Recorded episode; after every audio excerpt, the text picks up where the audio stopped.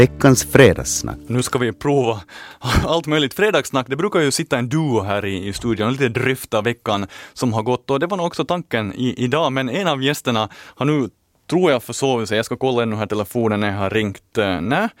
Um, men det är lugnt. Vi har Ulrika Isaksson här från Ekenäs i studion.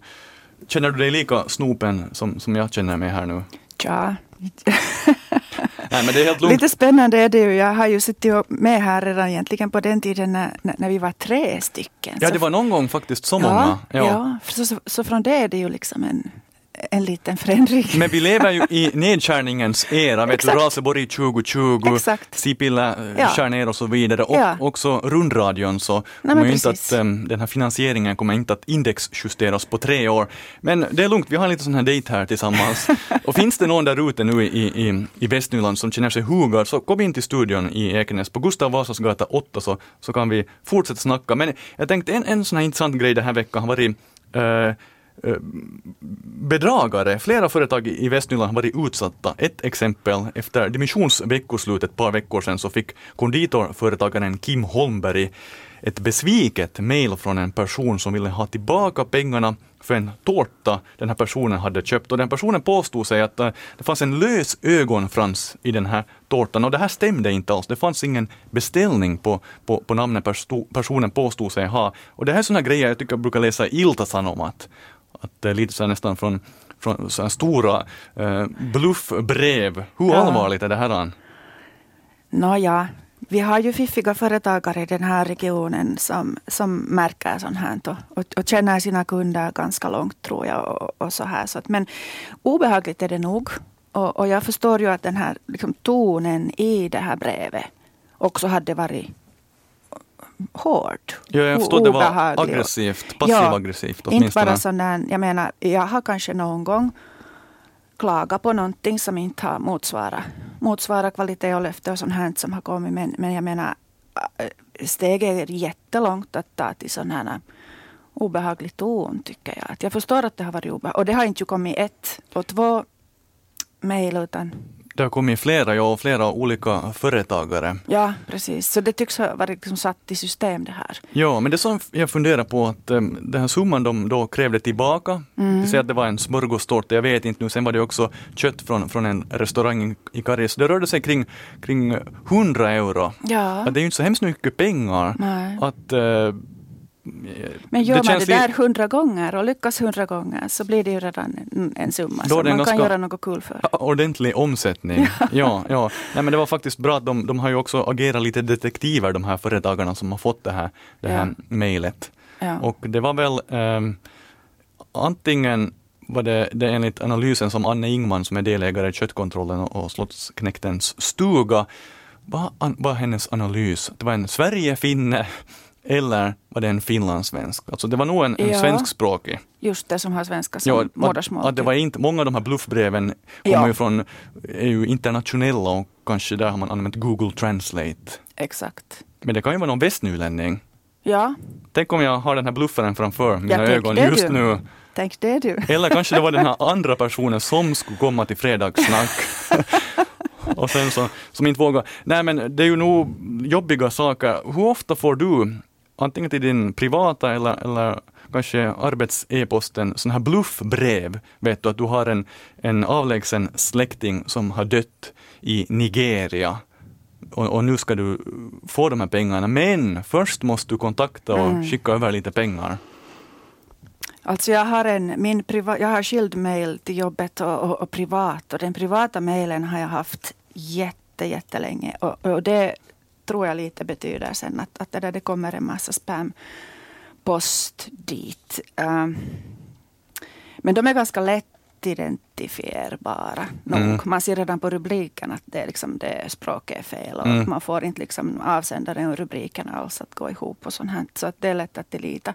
Plus att jag nu har upptäckt en sån här funktion att jag kan, jag kan äh, inte bara klicka bort det här meddelandet utan jag kan liksom lägga avsändaren till spamboxen så kommer de Precis. här från motsvarande avsändare eller är direkt i spamboxen. Och det, här, det här underlättar ju lite förstås. Jag har nog funderat på att byta e-postadress också helt och hållet men å andra sidan så kommer det ju en hel del värdefull mejl också. Ja, det måste man bara avväga. Ja, det gäller ju bara att liksom kunna skilja åt dem och, och, och, inte öppna. Men en gång var jag faktiskt på väg att, att delita ett mejl som i rubriken hette att grattis, uh, du har vunnit. Oj! Och det är typiskt sån här... Exakt, man har vunnit 10 miljoner. Yes. Och jag, jag tror att jag hade det liksom i, i den där skräpboxen redan, men så blev jag ändå lite nyfiken. Att vad var det där? Att det var nu på svenska och det brukar de inte vara. Och det var ju helt på riktigt alltså, jag hade vunnit. Var det en nackudde från Radio Vega? Nej, det var egentligen från ett svenskt företag. En, en, en, jag hade vunnit en eh, biljett till en, till en föreläsning i, i, i Stockholm. Riktigt intressant faktiskt. Tyvärr hade jag ju inte möjlighet att gå sen.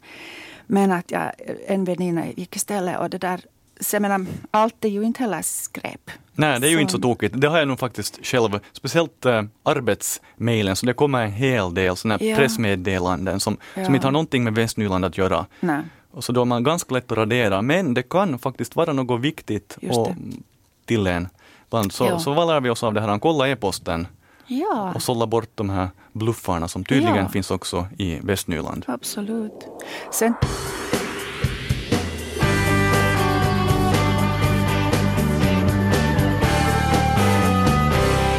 God morgon Västnyland i Radio Vega. Jag är snabb som Billy the Kid här och äh, kör vidare med avtryckarfingret. Ulrika Isaksson här i Fredagssnack.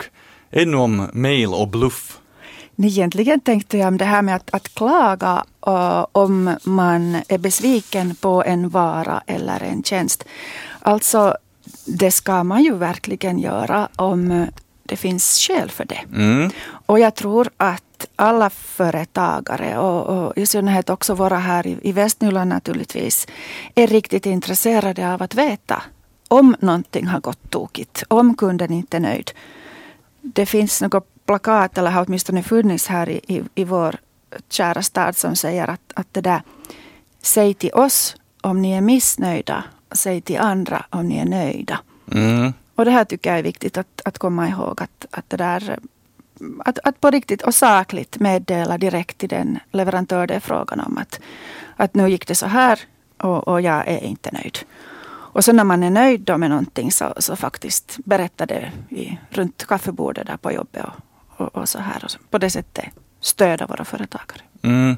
Där tycker jag själv så där personligen att eh, för mig är tröskeln rätt så hög att uh, komma med något slags klagomål eller mm. konstruktiv mm. kritik. Att jag är lite sådär rädd, man skäms lite. Att, trots att man har betalat pengar så man har ju rätt nog att, att komma med egna synpunkter. Visserligen, och jag tror att de är tacksamma. Det kanske är inte roligt just i den stunden de får det här samtalet, för de vill ju leverera. Mm väl och, och, och, perfekt förstås. Men i, i, i det långa loppet tror jag att de är tacksamma. För det gör ju att de kan, kan förbättra och kan fundera vad var det som gick tokigt och varför. Mm. Hej, vi ska snacka, fortsätta här med Ulrika Isaksson i, i fredagssnack och, och eh, ja, företag, eh, inga klagomål vad jag vet på det sättet, men ett eh, fiskförädlingsföretag i Hangö har sålt produkter som har daterats framåt. Produkterna hade packats in på inspektionsdagen den 22 april och de här produkterna med datumet 22 april var märkta med en förpackningsdag två dagar framåt, alltså i framtiden den 24 april. Hur stor förseelse är det här livsmedel som har, som har fifflat lite med det här datumen?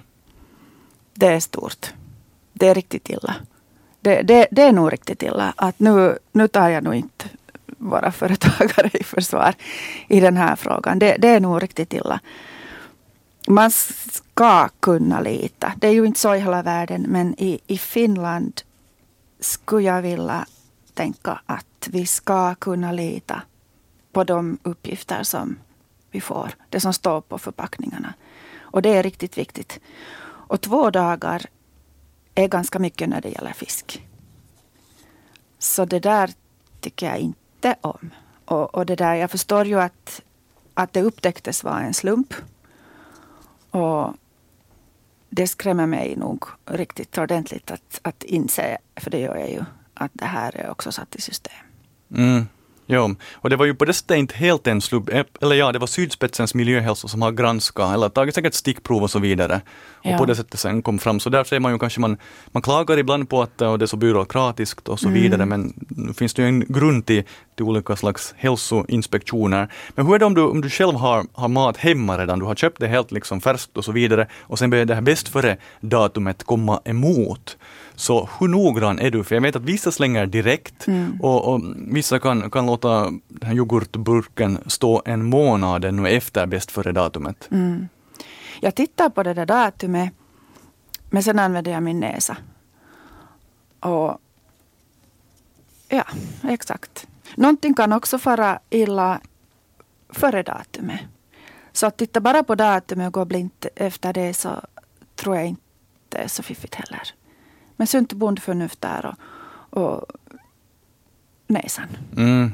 Och ögon. Ja, absolut. Och munnen kanske man inte vågar smaka. Ja, absolut. Ja, sunt bondförnuft, det kanske man ja. i dagens år 2016 ibland lite tappat ja, där på ja. vägen.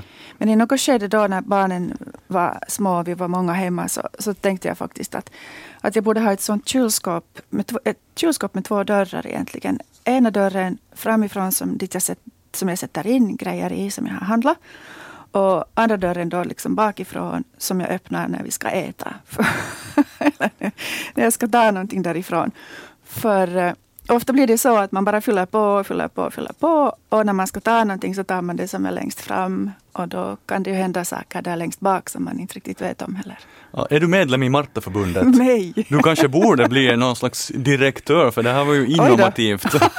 Jag har utlyst eh, Ulrika Isaksson här till, vad var det, direktör för Martaförbundet. Ja men tackar och bockar. Ja, eh, nej men alltså du menar kylskåp med, med två olika öppningar ja. helt enkelt? Ja. Ja men det är ju sant, alltså nu blir det ju alltid den där uh, syltburken. Okej, okay, sylt ja. håller länge i och med att det är mycket socker. Visserligen. Men den blir ju dit långt bak. Ja. Och så tar man fram den sen nästa Ja, vår. sen när man har bråttom när man öppnar kylskåpsdörren på morgonen så tar man det som faller i famnen. Ja, det, funderade, mm. det var en lyssnare som ringde in igår och började fundera på det här med rötmånaden. Ja. Att, att när kör den igång? Och jag har skrivit upp det på min föredragningslista. Jag ska kolla att vilket datum börjar det liksom så det officiellt eh, det här året. Men, men när börjar det? är väl i slutet av juli? Jag skulle säga så, där vid fruntimmersveckan och allt det här. Fruntimmersveckan? Ja. ja. Det här nu har inte levt på 1800-talet. det är den veckan där alla dagar är det en, en kvinna som har namnsdag. Aha. Det är fruntimmersveckan. Bra, sådär. Jag har alltid tänkt att jag blir allmänbildad här på mitt jobb och, ja. och nu stämmer det faktiskt. Eh, hej, finns det något vi borde avverka, Ulrika? Här i dagens sändning? Jag säger det. Jag hoppas bara att det inte har hänt någonting med, med, med den här personen som borde sitta här bredvid mig. Men... Ja, det är alltså bara Ulrika Isaksson i, i dagens fredagssnack. När jag kollar båda mina telefoner har jag ringt, jag har skickat sms och utlyst också i radio. Nej, vi får hoppas att den här personen, som vi inte ska namnge nu, eller tycker du att vi ska bränna hen? Ja, vi ska fundera. vi funderar här. Men hej, tusen tack Ulrika och trevligt veckoslut. Ja, men det måste jag nu säga, det är det har ju varit dimensions av, avslutning och dimension ett par veckor sedan redan, men du jobbar vid Yrkeshögskolan Novia och det är tydligen idag.